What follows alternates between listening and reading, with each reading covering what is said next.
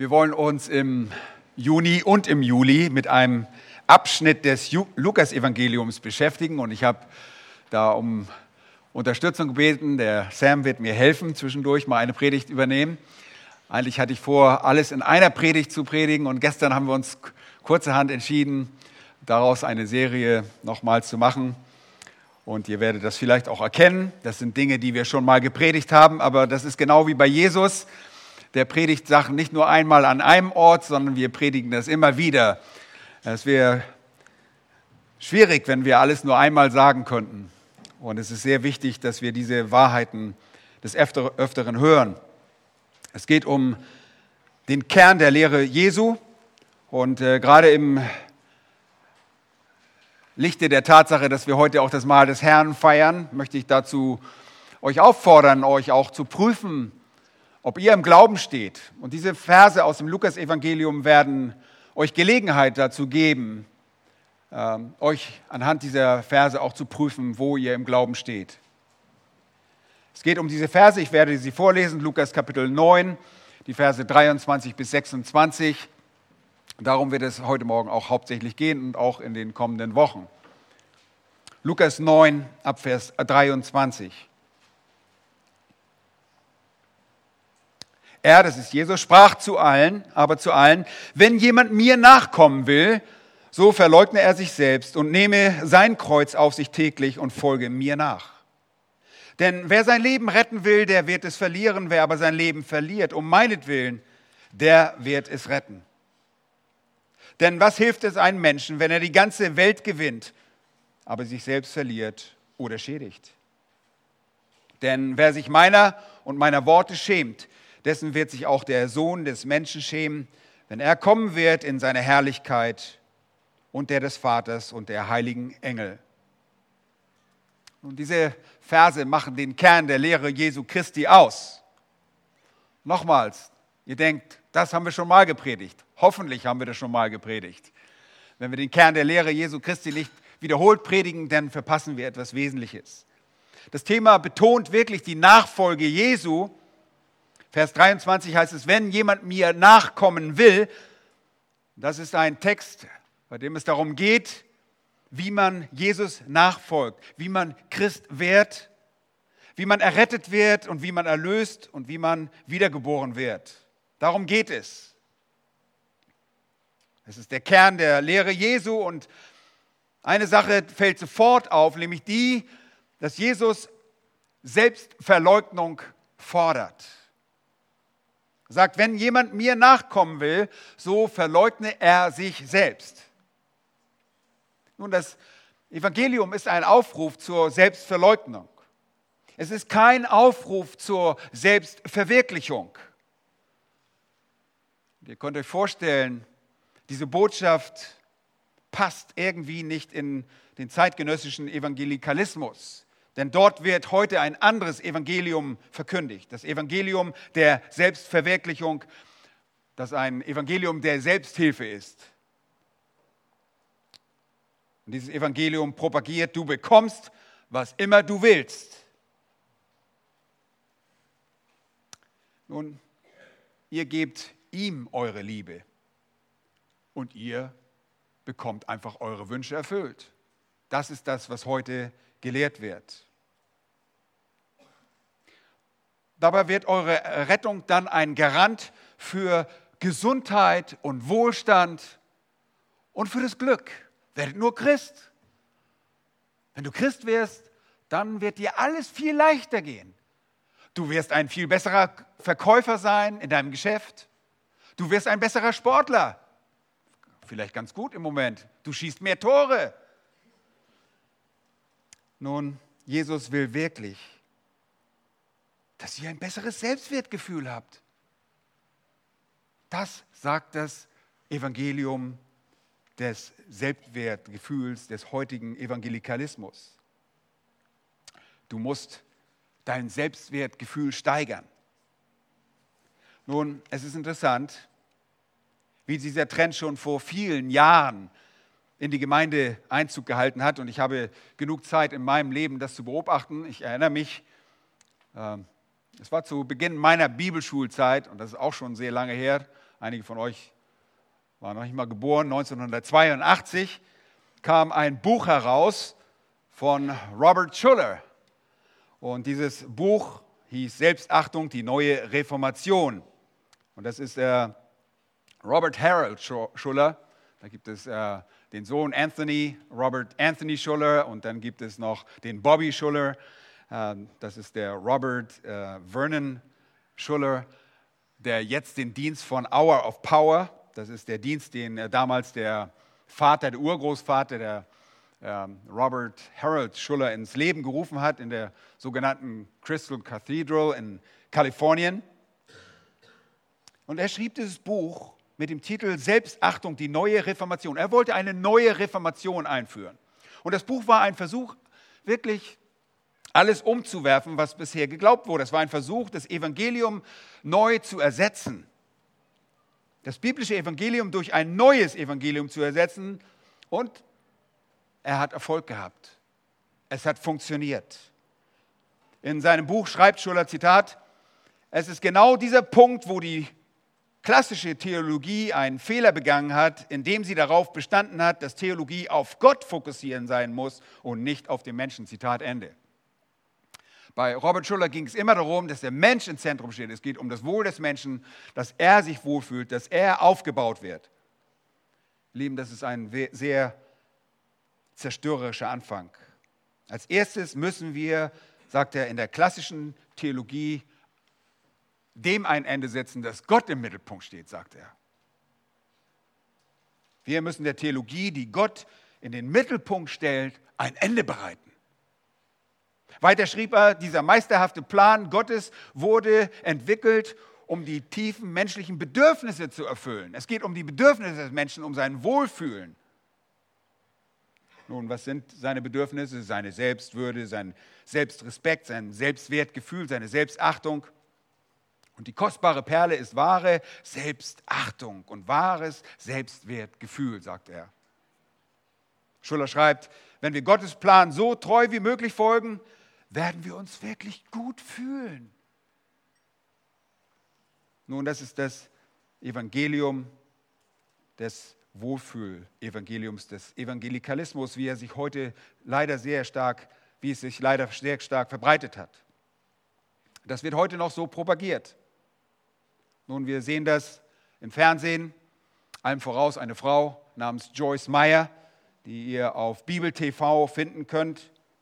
Ihr Pep Talk wurde bekannt unter dem Titel Das Leben genießen. Und sie hat einen riesigen Einfluss auf den hiesigen, aber nicht nur hier, sondern auch in dem Evangelikalismus der Vereinigten Staaten. Fühl dich gut, hab einfach Spaß und lass Gott dich dabei noch verwöhnen. Und bei der Bemühung Schullers um eine neue Reformation müsste man als erstes die klassisch-historische Theologie abschaffen Weg damit, die Gott in den Mittelpunkt stellt und sie dann durch eine Theologie ersetzen, die den Menschen, die Psychologie und die Selbstachtung in den Mittelpunkt stellt.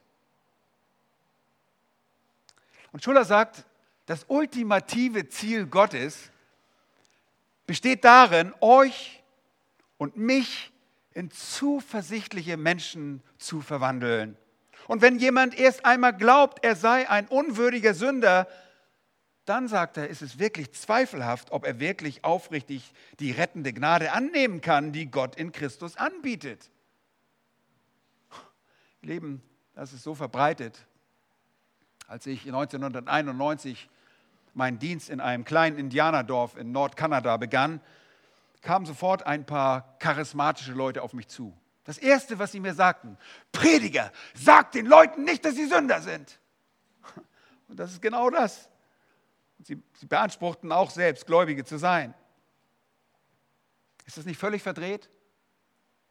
Das steht in direktem Widerspruch zu der Wahrheit. Aber es ist eben dieses auf Menschen und Selbstachtung fokussierte Evangelium, das dann wenige Jahre später auch von dem Meisterschüler äh, Schullers, nämlich Bill Heibel, aufgegriffen wird und aufgegriffen wurde. Und ihr kennt diese Geschichte wobei das auch schon wieder out ist. Bill Heibels und seine Anhänger aber eine totale äh, Psychologisierung des Wortes Gottes und des Evangeliums.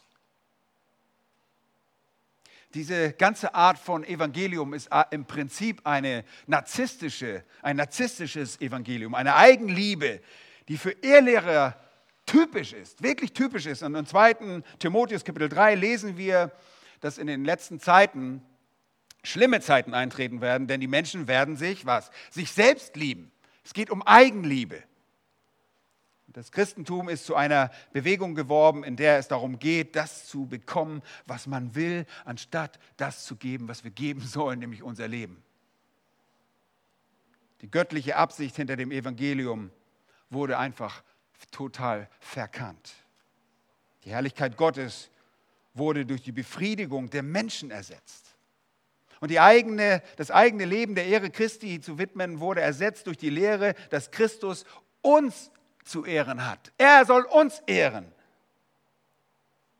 Alles ist verdreht und das wahre Evangelium ist nicht mehr angesagt. Aber richtig ist, es geht nicht darum, mich zu erhöhen. Es geht eher darum, mich niederzustrecken. Jesus sagte, wenn jemand mir nachkommen will, so verleugne er sich selbst und nehme sein Kreuz auf sich täglich und folge mir nach. Ihr Lieben, das ist der Tod des eigenen Ichs, die Selbstaufgabe, die, die Aufgabe des Ichs. Und ihr gewinnt, indem ihr verliert. Ihr lebt, indem ihr sterbt. Und das ist der Kern, die zentrale Botschaft des Evangeliums. Das Wesen wahrer Jüngerschaft. Ihr Lieben, und das fürchten die Menschen so sehr, mehr als den Tod. Die Selbstaufgabe fürchten die Menschen mehr als den Tod. Deshalb gehen sie ohne Christus verloren. Und das ist eine leicht verständliche Textstelle hier, Textstelle. Das ist nicht etwas, das sich in irgendeiner Weise von der normalen Lehre Jesu unterscheidet. Das ist der Schwerpunkt der Lehre Jesu, den er während seines ganzen und gesamten Dienstes immer wieder, und es ist erstaunlich, wie häufig er diese und ähnliche Worte predigte, in allen möglichen Zusammenhängen. Und ich möchte euch das heute Morgen zeigen. Geht einmal in diesem Moment zurück zu Matthäus Kapitel 10 und dort Vers 32 sagt der Herr Matthäus 10, Vers 32 sagt er, jeder nun, der sich zu mir bekennt vor den Menschen, zu dem werde auch ich mich bekennen vor meinem Vater im Himmel. Und er spricht hier davon, Christus als Herrn zu bekennen. Und dann sagt er in Vers 34, ihr sollt nicht meinen, dass ich gekommen sei, Frieden auf die Erde zu bringen. Ich bin nicht gekommen, Frieden zu bringen, sondern das Schwert. Denn ich bin gekommen, den Menschen zu entzweien mit seinem Vater und die Tochter mit ihrer Mutter und die Schwiegertochter mit ihrer Schwiegermutter. Und die Feinde des Menschen werden seine eigenen Hausgenossen sein. Erstens, sei dir bewusst, dass die Nachfolge deine Familiensituation verschlechtern kann. Das ist durchaus möglich. Es wird dir nicht unbedingt besser gehen, wenn du dich zu Christus bekennst. Nein, das Christsein könnte, und wir haben das hier unter uns mehrfach erlebt, das Christsein kann deine Familiensituation spalten, dein Verhältnis zu deiner Familie spalten. Die Familienverhältnisse könnten so schlecht sein, wie du es nie zuvor erlebt hast. Aber so ist das nun einmal, denn wenn ihr euer Leben Jesus Christus hingebt, dann gibt es eine unüberbrückbare Kluft zwischen euch und den nicht erlösten Mitgliedern eurer Familie. Vers 37, wer Vater oder Mutter mehr liebt als mich, der ist meiner nicht wert. Und wer Sohn oder Tochter mehr liebt als mich, der ist meiner nicht wert. Wenn ihr also nicht bereit seid, den Preis dieser Spaltung eurer Familie in Kauf zu nehmen, das Gesetz der Fall, dass sie nicht auch äh, zu Christus kommen, wenn ihr nicht bereit seid, den Preis dieser Trennung in eurer Familie zu zahlen, den Preis größerer Konflikte, dann seid ihr nicht einmal würdig, was? Sagt er, meine Jünger zu sein. Dann könnt ihr keine Christen sein. In Vers 38 sagt er, und wer nicht sein Kreuz auf sich nimmt, und ihr Lieben, das Kreuz wurde mit einer Sache, mit einer einzigen Sache assoziiert. Es war ein Instrument des Todes. Es war das Instrument ein, der Hinrichtung. Jesus geht sogar noch weiter, wenn ihr nicht bereit seid, Konflikte in der Familie in Kauf zu nehmen, seid ihr es nicht wert, meine Jünger zu sein, wenn ihr nicht bereit seid zu sterben. Und das bedeutet das Kreuz, wenn ihr nicht bereit bis zum Ultimativen, bis zum Tod, dann könnt ihr nicht meine Jünger sein. Und er sagt, Vers 39, wer sein Leben findet, der wird es verlieren, wer aber sein Leben verliert, um meinetwillen, der wird es finden. Es geht darum, dass ihr euer Leben verliert. Das hört sich irgendwie paradox an und das, darauf gehen wir auch noch ein. Das ist sicherlich keine Theologie, die den Menschen in den Mittelpunkt stellt, sondern eine Theologie, die Christus selbst ins Zentrum stellt. Ich gebe alles für Jesus. Ist eure Einstellung dabei, egal was es mich kostet. Nun, das ist Matthäus 10, auch in Markus Kapitel 10, wenn ihr ein bisschen nach vorne die Bibel aufschlagt. In Markus 10 gibt es eine Illustration dieser Lehre Jesu.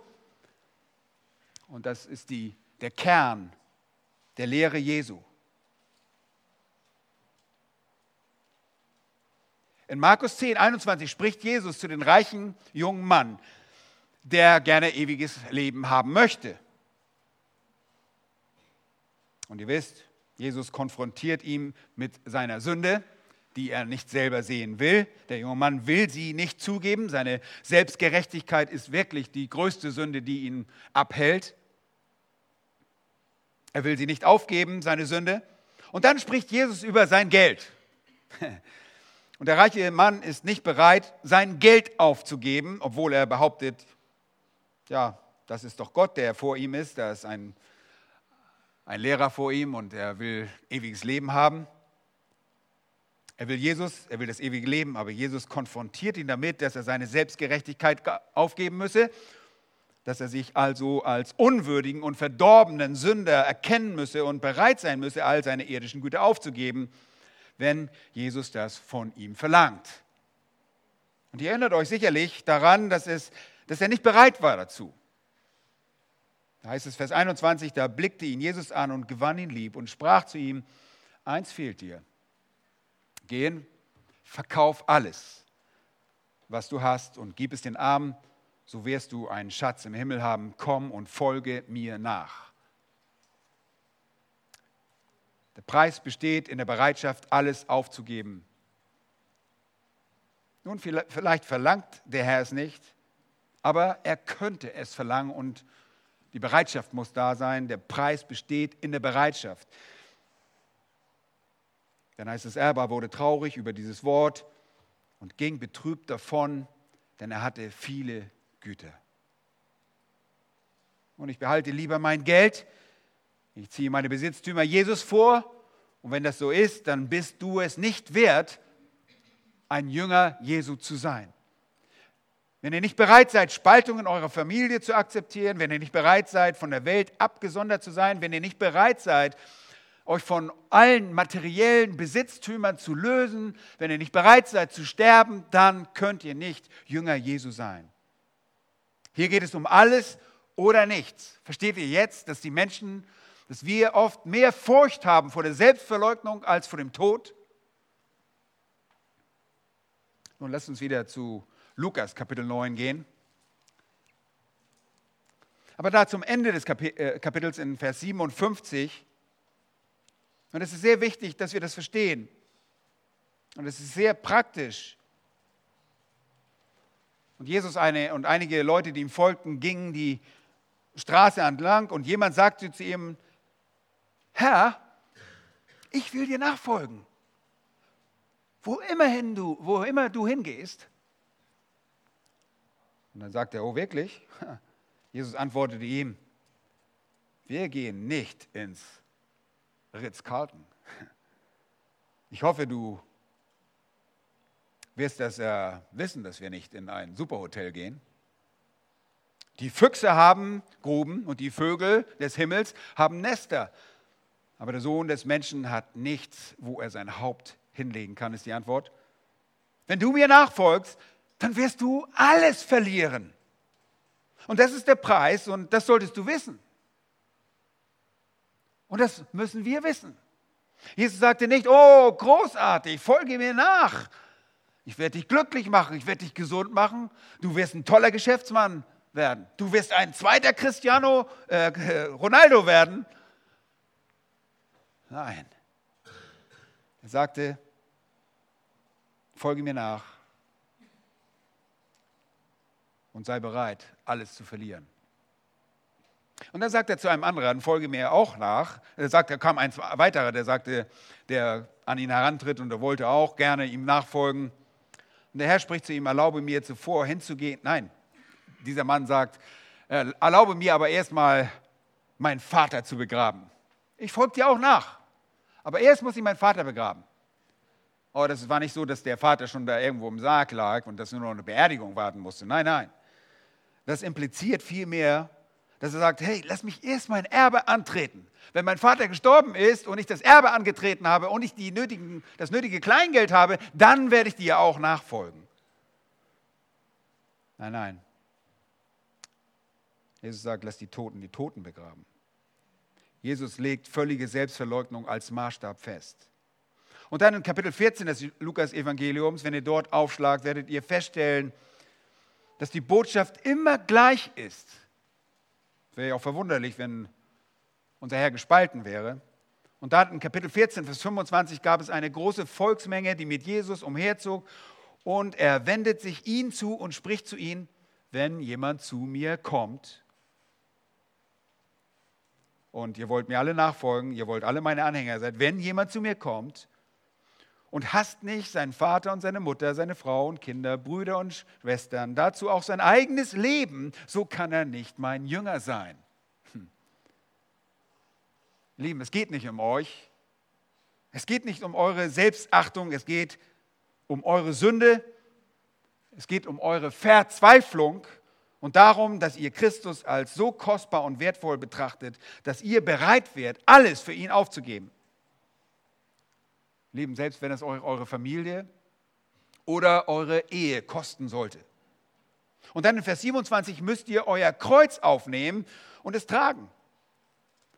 Und wenn ihr euer Kreuz nicht tragt, wenn ihr also nicht bereit seid zu sterben und euer Leben zu opfern und Jesus nachzukommen, dann könnt ihr nicht sein Jünger sein. Wirklich deutlicher geht es nicht.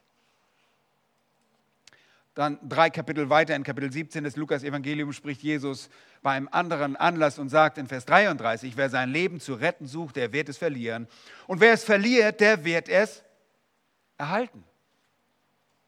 Und das ist dasselbe Prinzip. Ihr versucht an euch selbst, an euren Plänen, an euren Zeiten, eurem Erfolg und an der Selbstachtung festzuhalten. Und was ist das Resultat? Ihr verliert. Ihr verliert. Auch Johannes lehrt es. Johannes Kapitel 12, Vers 24 heißt es, wahrlich, wahrlich, ich sage euch, wenn das Weizenkorn nicht in die Erde fällt und stirbt, so bleibt es allein. Wenn es aber stirbt, so bringt es viel Frucht. Jesus sagt, wenn ihr mir nachkommen wollt und wenn ihr Frucht bringen wollt, dann wird es euch euer Leben kosten dann müsst ihr sterben. Vers 25 lesen wir, wer sein Leben liebt, der wird es verlieren. Wer aber sein Leben in dieser Welt hasst, wird es zum ewigen Leben bewahren. Wenn jemand mir dienen will, so folge er mir nach. Und der Pfad, den Jesus beschreiten sollte, war der Pfad des Todes. Er ging uns gewissermaßen voraus. Es war der Pfad der Verfolgung und des Todes, den Jesus gegangen ist diesen Pfad müssen wir auch willig sein zu beschreiten. Wollt ihr Jesus nachfolgen? Dann wird es euch einfach alles kosten. Und der Herr wird euch vielleicht nicht das Leben nehmen, er wird euch vielleicht nicht euer Geld nehmen, er wird euch vielleicht auch nicht eure Familie nehmen oder euren Ehegatten, er wird euch vielleicht nicht die Arbeit nehmen, aber ihr müsst zu all dem bereit sein. wenn er das will. Und es gibt einige schwierige Dinge, die wir im Leben ertragen. Und das bedeutet es eigentlich, das Kreuz aufnehmen. Dein Kreuz ist nicht deine Schwiegermutter. Ja, das ist nicht die Schwiegermutter, das sind Dinge, wo du sagen kannst, hier habe ich eine Wahl, hier ist mein Wille. Ich ordne mich dem Willen des Herrn unter und ertrage diese Dinge um Christi willen. Nun lass uns einen Moment zu Matthäus 16 zurückgehen. Ein bisschen hin und her, damit wir den Abschnitt von Lukas besser verstehen. Lukas 16 gibt uns wirklich einige gute Einsichten, denn das sind, äh, Matthäus, Entschuldigung, Matthäus gibt uns wirklich gute Einsichten und Informationen. Im gewissen Sinne gibt es jetzt für die Jünger eine Art Prüfungszeit. Und die Prüfung, die sie sich unterziehen müssen, besteht aus einer einzigen Frage. Wir haben das in der ersten Stunde der systematischen Theologie schon gehört. Ähm, Jesus befindet sich in Caesarea Philippi. Als er diese Frage stellt, Matthäus 16, Vers 15, er spricht zu ihnen, ihr aber, für wen haltet ihr mich? Examensfrage, Abschlussfrage der Jüngerschaft gewissermaßen. Wisst ihr, wer ich bin? Nach ein paar Jahren Training und Offenbarung und Enthüllung, nach Wundern und Zeichen, die Jesus getan und vollbracht hatte, nach all seiner Lehre, war es jetzt an der Zeit, die Schüler zu prüfen. In ihrer Prüfung kommt diese schwierige Abschlussprüfung. Und deshalb gibt es diese wunderbare Prüfungsfrage. Für wen haltet ihr mich? Nun, sie hatten die richtige Antwort parat, denn Simon Petrus antwortete und sprach, du bist der Christus, der Sohn des lebendigen Gottes. Und Jesus antwortete und sprach, glückselig bist du, Simon, Sohn des Jona. Denn Fleisch und Blut hat dir das nicht geoffenbart, sondern mein Vater im Himmel. Du hast den Test bestanden. Du hast die Offenbarung Gottes angenommen und du hast gesehen, was Gott durch mich geoffenbart hat. Du verstehst, dass dies die richtige Antwort ist. Und das ist der gewissermaßen der Höhepunkt in jedem Jüngerschaftstraining. Wir kennen an, wer Christus ist. Sie haben die richtige Schlussfolgerung über Christus gezogen, die absolut notwendig ist für eine Errettung. Ohne diese Erkenntnis gibt es keine Errettung. Christus, der Messias, der Sohn des lebendigen Gottes. Gottes Heiland. All die Verheißungen des Alten Testaments, alles, was Jesus von sich behauptet, war wirklich wahr. Und das ist die große und höchste, das höchste Bekenntnis. Und ihr erinnert sicherlich, sicherlich daran, dass die Evangelien geschrieben wurden, damit ihr glaubt, dass Jesus der Christus ist. Besonders das Johannesevangelium macht es sehr deutlich am Ende, Kapitel 20. Damit sie glauben, dass Jesus der Christus ist, der Gesalbte, der Verheißene. Nun, sie glaubten. Und sie haben Leben in seinem Namen und dies ist der große Moment ihres Bekan Bekenntnisses und ihre Antwort ist richtig. Yeah! Daumen hoch. Nun, als Erwiderung auf diese Bestätigung sagt Jesus, du hast die Botschaft von Gott verstanden. Ha. Du hast gesehen, was Gott durch mich gesagt hat und du hast begriffen, das ist wunderbar. Und ich habe dir noch etwas zu sagen, Petrus. Schaut mal Vers 18. Du bist Petrus. Und auf diesen Felsen werde ich meine Gemeinde bauen. Wohl dem, der in der ersten Stunde in der systematischen Theologie schon dabei war. Den bräuchten wir jetzt nicht mehr belehren. Hier findet sich ein kleiner Kontrast. Du bist Petrus. Du bist ein kleiner Stein, Petrus. Aber auf diesen Felsengrund will ich meine Gemeinde bauen. Nun, was ist dieser Felsengrund? Das ist das Bekenntnis der wahren Identität, die Realität dessen, wer er ist, nämlich Christus, der Sohn des lebendigen Gottes. Das ist der Felsengrund. Auf diesem Felsengrund wird die Gemeinde gebaut. Und er sagt, ich will meine Gemeinde und ich werde meine Gemeinde bauen und die Pforten des Todesreiches sollen sie nicht überwältigen. Es ist wunderbar. Du hast richtig geantwortet. Und ich sage dir, ich werde die Gemeinde bauen und die Pforten des Totenreichs was ist das? Das ist der Ort, wo die Toten sich aufhalten. Und die Tore sind das, wodurch man tot wird, indem man stirbt. Die Pforte des Totenreichs sind also einfach der Tod. In Hebräer 2 lesen wir, dass Satan die Macht des Todes hat, dass er in dieser Welt Macht über den Tod hat. Das ist seine größte Macht. Aber selbst Satans Macht über den Tod wird den Herrn nicht davon abhalten, seine Gemeinde zu bauen. Es besteht Zuverlässigkeit in dieser Aussage. Ich werde sie bauen. Und das ist eine wirklich wunderbare Anmerkung. Petrus, du hast die Frage richtig beantwortet, du hast die Prüfung bestanden. Und ich sage euch allen, aufgrund dieser großartigen, herrlichen Realität werde ich meine Gemeinde bauen. Und Satans große Macht über den Tod wird dem nichts anhaben können. Mehr noch, ich werde nicht nur meine Gemeinde bauen, sondern die Schlüssel des Reiches, äh, dir die Schlüssel des Reiches der Himmel geben. Du wirst in der Lage sein, die Tür zum Reich zu öffnen und Menschen einzulassen. Oh, hören wir da den Papst heraus? Nein, nein, nein, nein, Moment.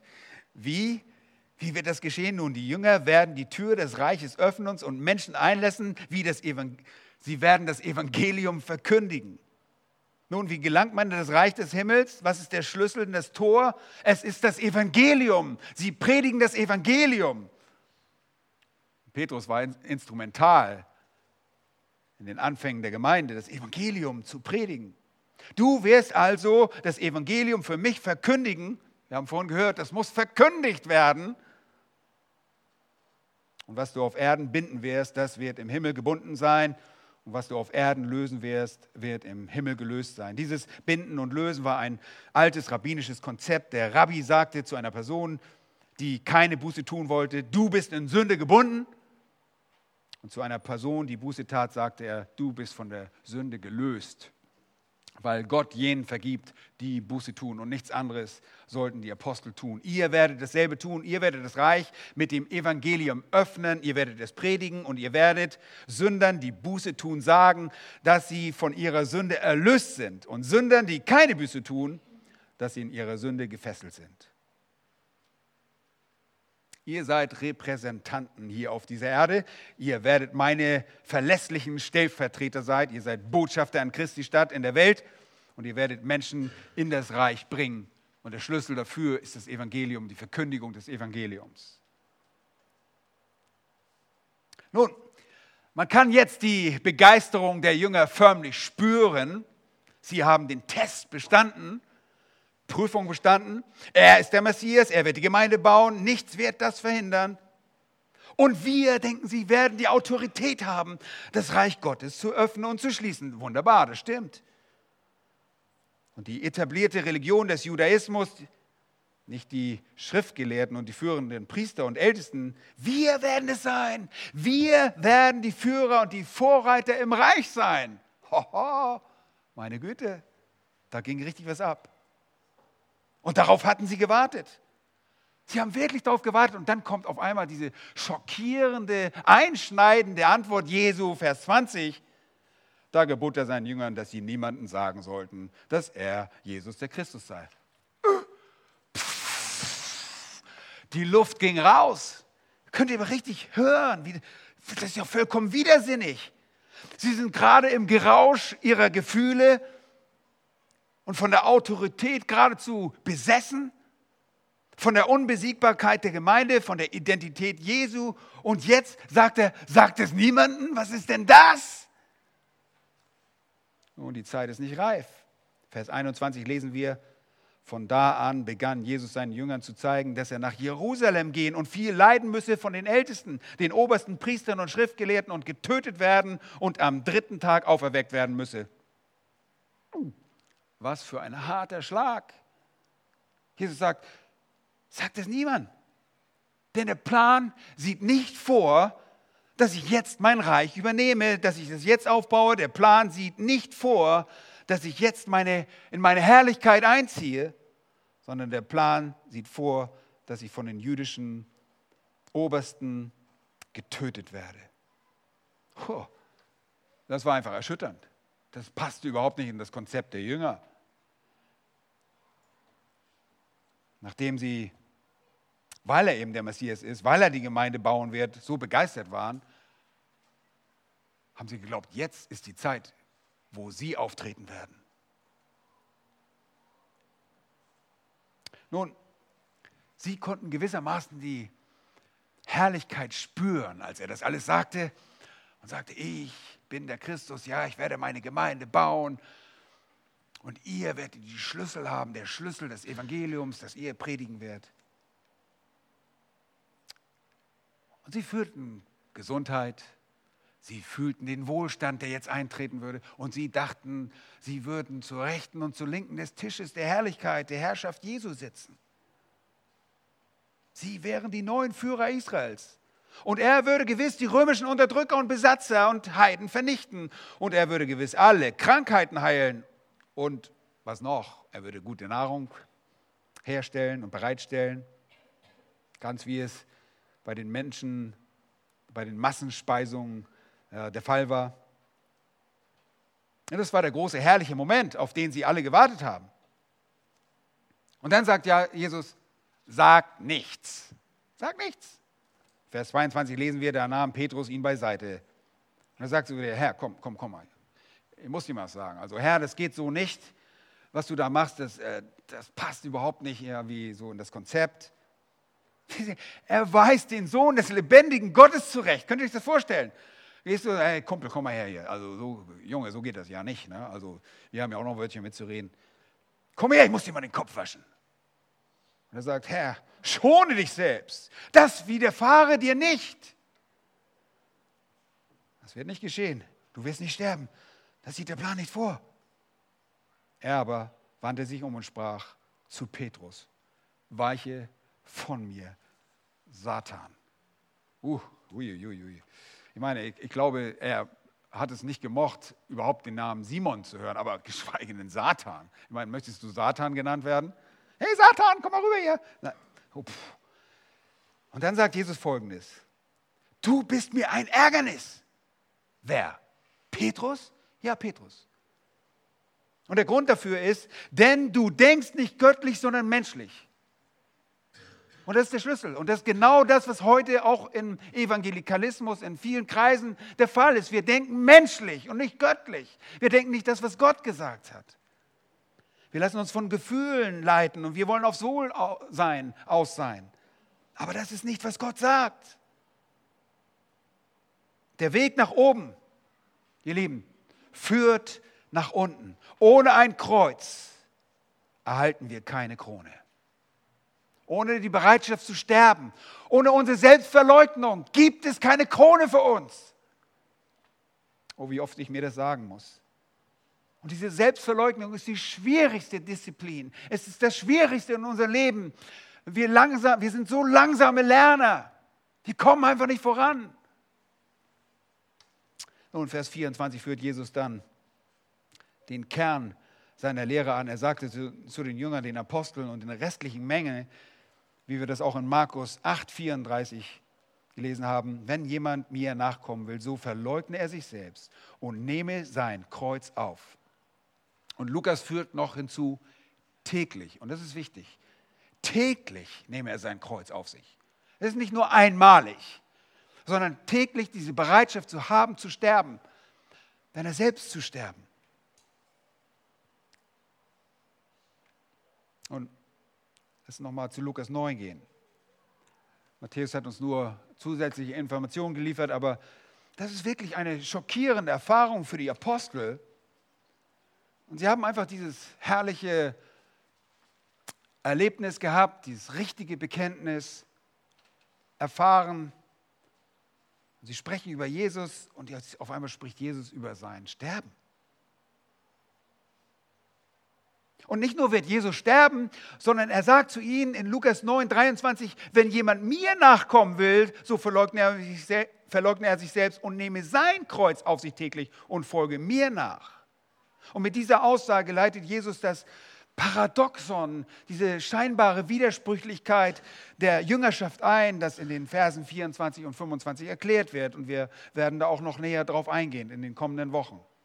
Heute möchte ich noch ein wenig über die Worte des Kern, der Kernbotschaft sprechen, als Einleitung gewissermaßen. Wenn ihr Christus nachfolgen wollt, das heißt, ihr wollt Christ sein und hoffentlich wollt ihr das, dann verleugnet euch selbst. Dann nehmt euer Kreuz auf und folgt ihm nach. Ihr Lieben, das ist nicht sehr populär heute, oder?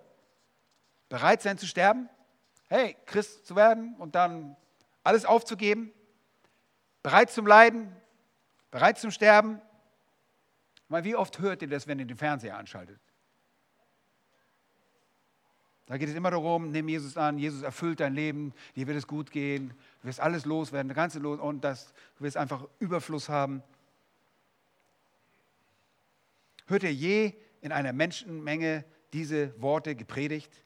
Wenn du ein Christ werden willst, opfere dein Leben, verbeuge und verleugne dich, verleugne dir alle deine Dinge, nach denen dein Ego dich so sehnt, die Dinge, die es sich erhofft, dein Ich, deine Selbstbegierde. Seid ihr bereit zu sterben? Bist du bereit, mit einem sklavischen Gehorsam dich Christus unterzuordnen? Puh, das verkauft sich nicht gut, oder? Das ist wirklich kein kluges Marketing, aber es ist die Wahrheit. Und wenn es die Wahrheit ist, dann müssen wir es verkündigen. Oder wollen wir künstlich Menschen zur Wiedergeburt führen? Wollen wir die Hebamme des Heiligen Geistes spielen und künstliche Geburten erzeugen? Nun, das tun wir heute leider, indem wir Menschen bei jedem kleinen Wort, bei jedem Handzeichen Menschen sofort zum Christ erklären. Bei jeder Herr, Herr Aussage machen wir Menschen zu Christen. Und das ist gefährlich. Deshalb sind auch diese Evangelisationen an unseren Kindern gefährlich, wenn wir sagen, beuge dein Knie, sonst kommst du in die feurige Hölle.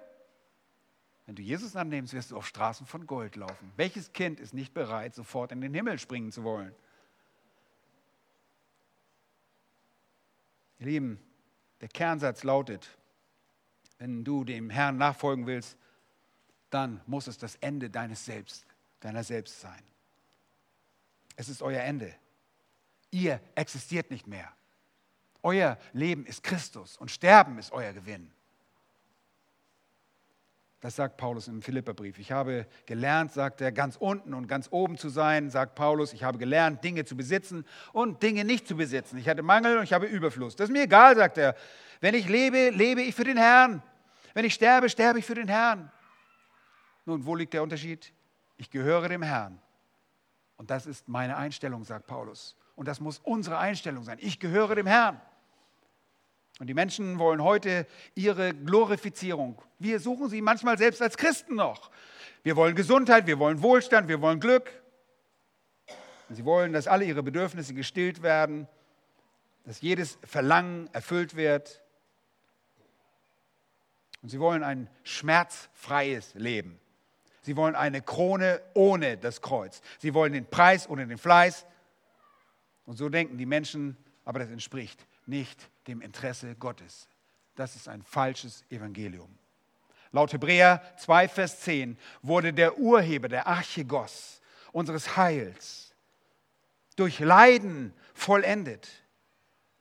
Und deshalb müssen auch wir durch die Feuerprobe des Leidens vollendet werden. Ihr Lieben, wir können dankbar sein, sagt Paulus im Philipperbrief, Kapitel 1. Uns ist die Gnade gegeben, nicht nur an ihn zu glauben, sondern auch für ihn zu leiden.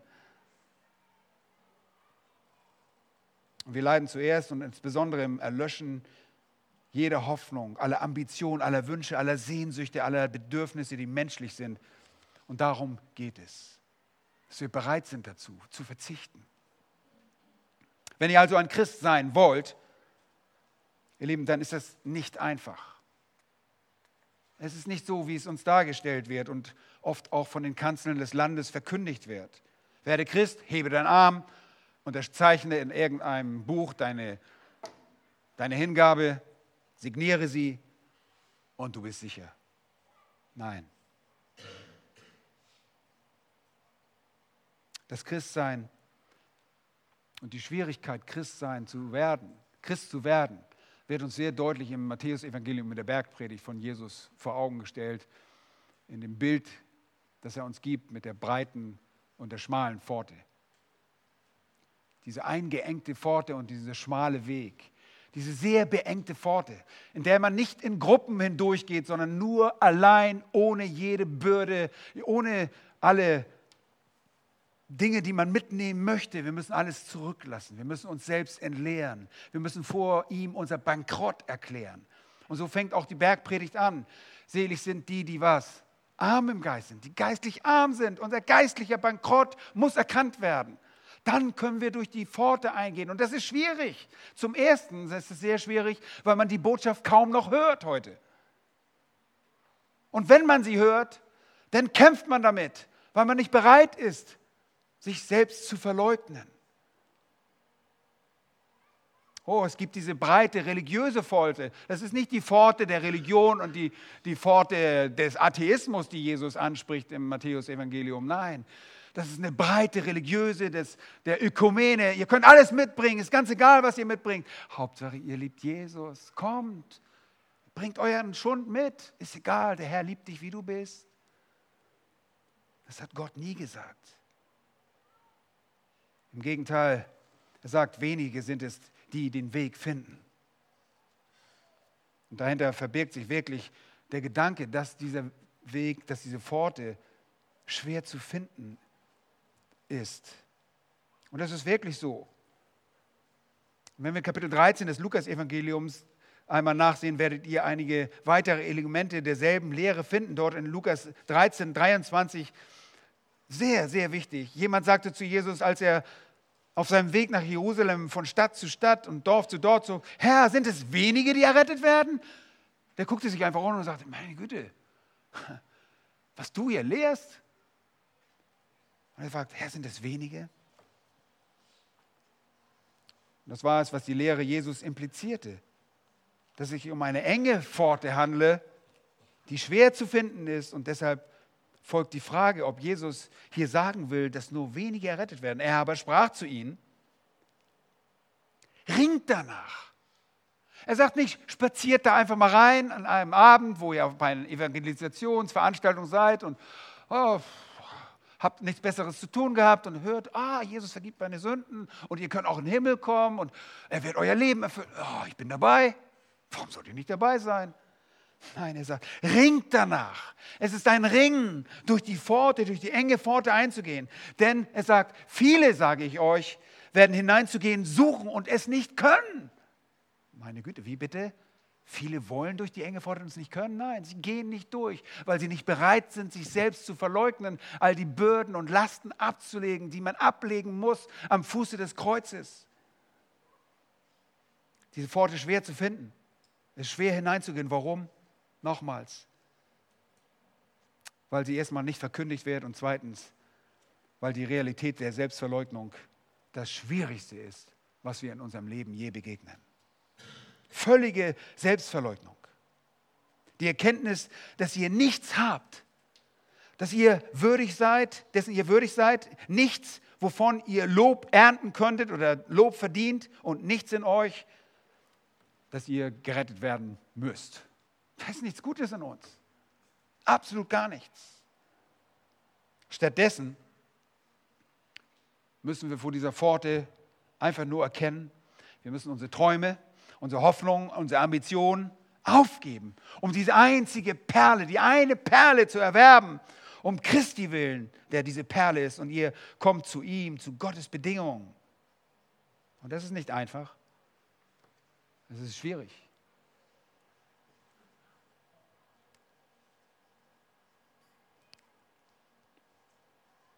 Nun, er will, dass ihr bereitwillig sagt, ich werde alle Dinge, die ich in meinen Augen brauche, um Christi willen aufgeben.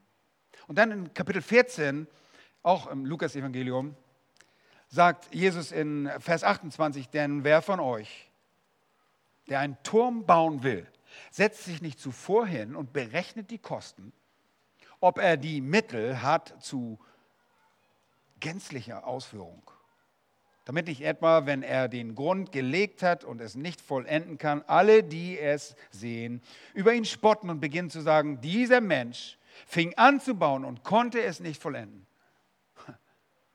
Wenn ihr euch zu Christus bekennen wollt, müsst ihr euch den Preis vor Augen halten. Ihr müsst euch bewusst werden, dass es viel kosten wird. Ich erinnere mich, dass wir Anfang 2000 mehrmals nach Warschau gefahren sind. Ich sah viele Gebäude halb fertig stehen, Ruinen, Bauruinen. Menschen, die angefangen hatten zu bauen und sich verkalkuliert hatten. Die Gebäude wurden nicht fertig, sie standen dort als Bauruinen.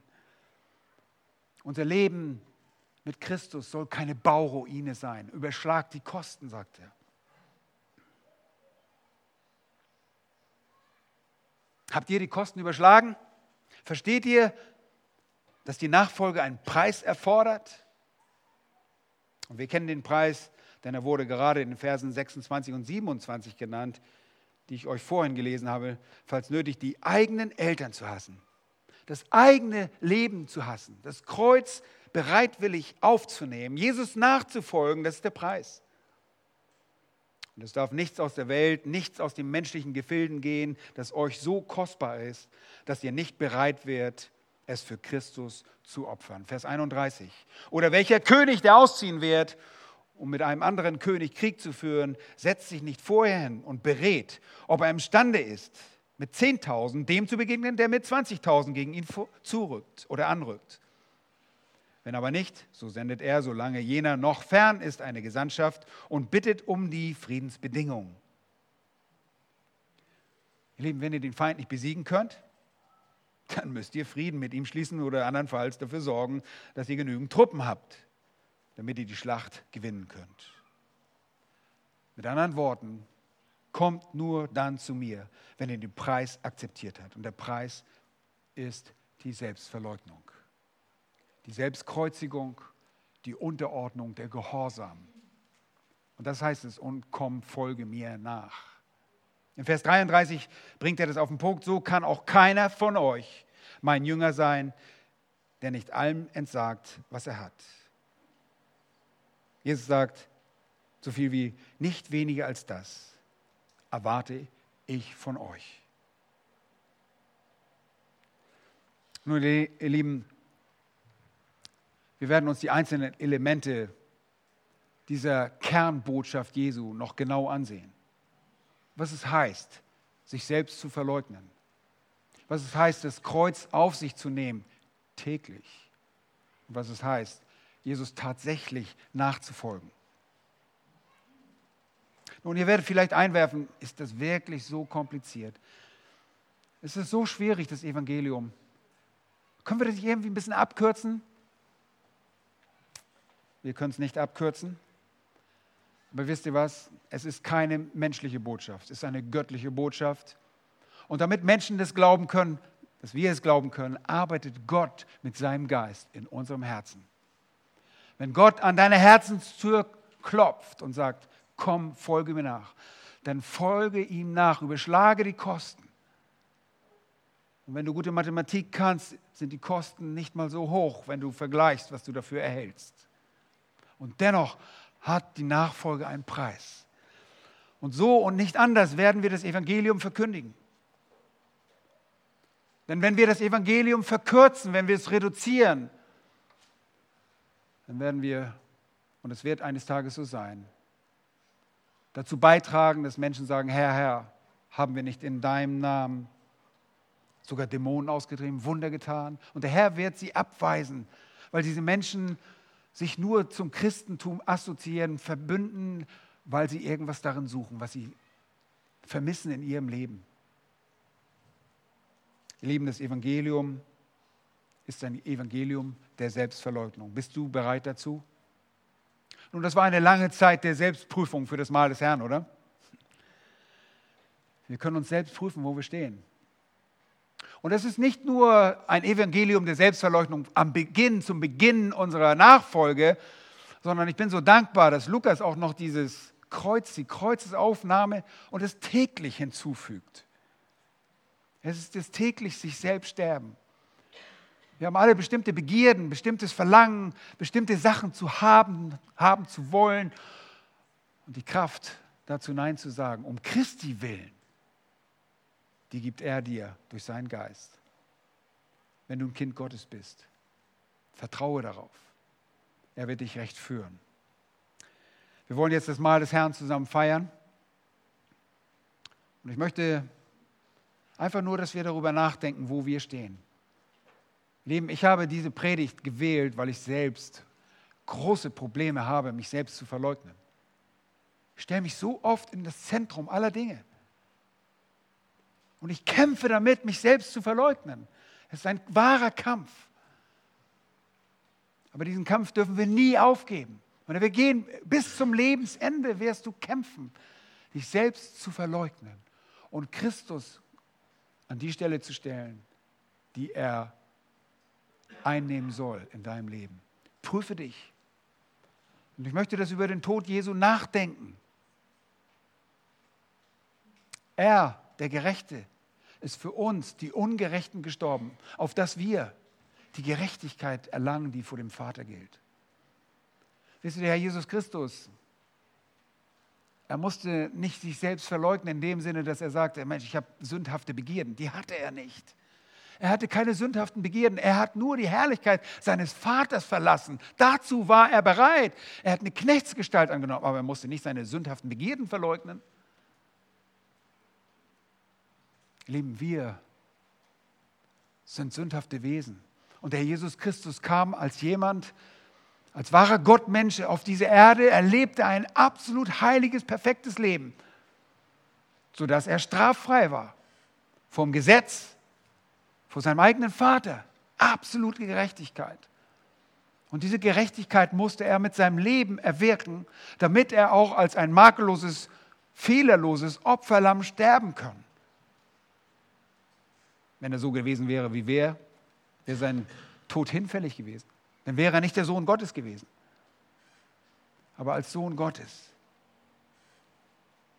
der versucht ist in allem wie wir, doch ohne Sünde, ist er bereit, aus Liebe zu seiner Gemeinde, zu seinen Kindern, für uns zu sterben. Er hat uns so sehr geliebt. Der Vater hat uns so sehr geliebt, dass er bereit war, seinen Sohn zu schicken.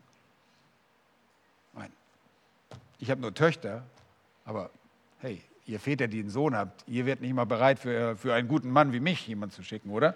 Nein, aber stellt euch vor, für absolute Sünder wie mich und dich hat Gott der Vater den Sohn gesandt.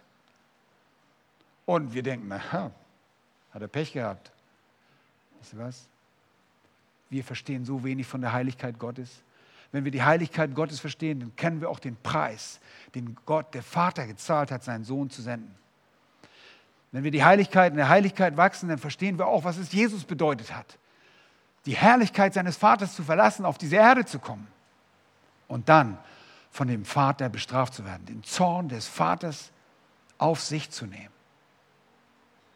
Lieben, darüber müssen wir nachsinnen. Nachsinnen und konkret darüber nachdenken, wie wir handeln können in unserem Leben, wo wir uns selbst verleugnen können. Und unser Fleisch wird sich dagegen sträuben. Es sträubt sich immer wieder dagegen. Es sagt, nein, ich will tun, was ich will. Und dann sagst du, nein, ich bin nicht mehr der ich war. Ich bin ein neuer Mensch. Und du musst deinem Fleisch, wir müssen unserem Fleisch Einhalt gebieten, sagen, stopp, nicht du, das alte Fleisch, du bist nicht der Chef. Der neue Mensch, ich bin eine neue Kreatur, ich bin der Chef. Ich sage dir, was ich tue, ich gehorche meinem Gott. Leben, diese Kraft hat uns Gott verliehen. Trotzdem fallen wir noch. Trotzdem fallen wir und wir sind dankbar, dass wir uns reinigen dürfen. Ist es nicht so? Wir dürfen unsere Sünde bekennen und wenn wir jetzt das Mahl des Herrn nehmen, dann geht in euch. Prüft euch. Es ist tatsächlich nichts Schlimmeres, als zu glauben, dass man Christ ist, wenn man es nicht ist, oder? Wenn man denkt, ich bin doch so lange in die Gemeinde gelaufen. Was habe ich mir denn bloß vorgemacht? Unser Herz ist so trügerisch. Es ist so trügerisch. Und wenn du nach einer Sünde oder nach Sünden denkst, ich bin vielleicht nicht errettet, dann ist das nichts Ungewöhnliches. Dann gehst du zum Wort Gottes, du lässt dich am Wort Gottes stärken oder du merkst vielleicht, dass du kein Kind Gottes bist. Dass du den Herrn nicht liebst, Dass du keine Freude hast, ihm zu dienen? Dass du keine Freude hast, zu verzichten? Dann nimm das genau unter die Lupe. Sprich uns an. Sprich uns als Älteste an. Wir sprechen gerne mit euch. Dass du sündigst, das wissen wir. Wir sündigen auch. Willkommen im Club der Sünder. Aber dass du an der Sünde festhältst, das kannst du nicht. Räume diese Sünde aus. Und so wollen wir dem Herrn danken, wenn wir jetzt das Brot und den Kelch durch die Reihen gehen lassen, dass er für uns gestorben ist, der Gerechte für die Ungerechten, auf dass wir eine Gerechtigkeit haben, die nicht unser eigen ist. Ihr wisst es schon. Uns wird sie zugeschrieben durch Glaube und Gnade allein. Wir haben keine Gerechtigkeit, die in uns wohnt. Wir haben eine Gerechtigkeit des Sohnes, die er uns verliehen hat. Und das ist die gute Nachricht. Die gute Nachricht, dass der Herr Jesus Christus bezahlt hat. Dass alles gesühnt hat. Das lässt uns gleichzeitig freudige Menschen werden, oder? Wir haben es gesungen. Unsere Sünde wird ins äußerste Meer geworfen, ist weg. Das freut mich so sehr, zu wissen, dass Gott nicht irgendwo mit seiner Hochseeangel ist und unsere Sünden wieder rausfischt und sagt, hier, da, ich habe noch was in der Vergangenheit.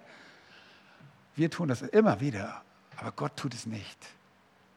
Lass uns dafür danken, ihn preisen.